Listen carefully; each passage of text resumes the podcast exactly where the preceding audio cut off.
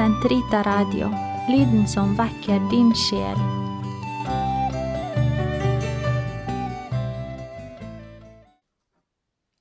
Den katolske kirkes katekisme, uke 31, søndag 27.94-28.02.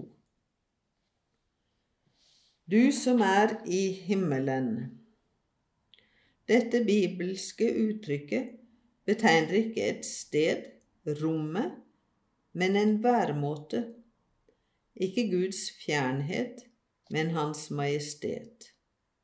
Vår Far er ikke et annet sted. Han er hinsides alt vi kan forestille oss om Hans hellighet. Det er fordi han er tre ganger hellig at han er nær den ydmyke og sønderknuste av hjertet. Det er med rette disse ordene Fader vår, du som er i himmelen, brukes om de rettferdiges hjerter hvor Gud bor som i sitt tempel. Dermed vil også den som ber, lengte etter at den han ber til, skal bo i ham. Himlene kunne også godt være dem som bærer den himmelske verdens bilde, og som Gud bor og vandrer rundt i.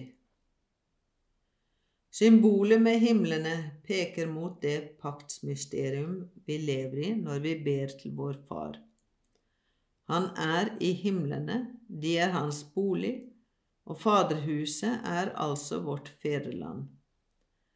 Det var fra paktjorden synden drev oss i utlegd, og det er til Faderen, til himmelen, hjertets omvendelse lar oss vende tilbake og det er i Kristus himmel og jord er blitt forsonet.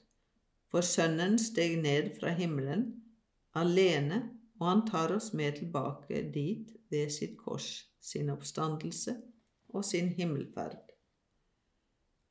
Når Kirken ber Fader vår, du som er i himmelen, bekjenner den at vi er Guds folk som allerede har tatt sete i himlene med og i Kristus Jesus, Efeserne 2,6, skjult med Kristus i Gud, Kolosserne 3,3, og på samme tid, i vår nåværende skikkelse, sukker vi lengselsfullt etter å iføre oss vår himmelske. Annen kor 5,2. De kristne lever i kjødet, men de lever ikke etter kjødet. De tilbringer sitt liv på jorden, men de er borgere i himmelen. Kort sagt enkel og trofast tillit, ydmyk og glad frimodighet er de holdninger som passer for den som ber Fader vår. Vi kan påkalle Gud som far fordi Guds sønn, som er blitt menneske, har åpenbart ham for oss, vi som ved dåpen blir innlemmet i Sønnen og gjort til Guds barn. Herrens bønn gir oss fellesskap med Faderen og med Hans Sønn Jesus Kristus. Samtidig åpenbarer den oss for oss selv. Å be til vår Far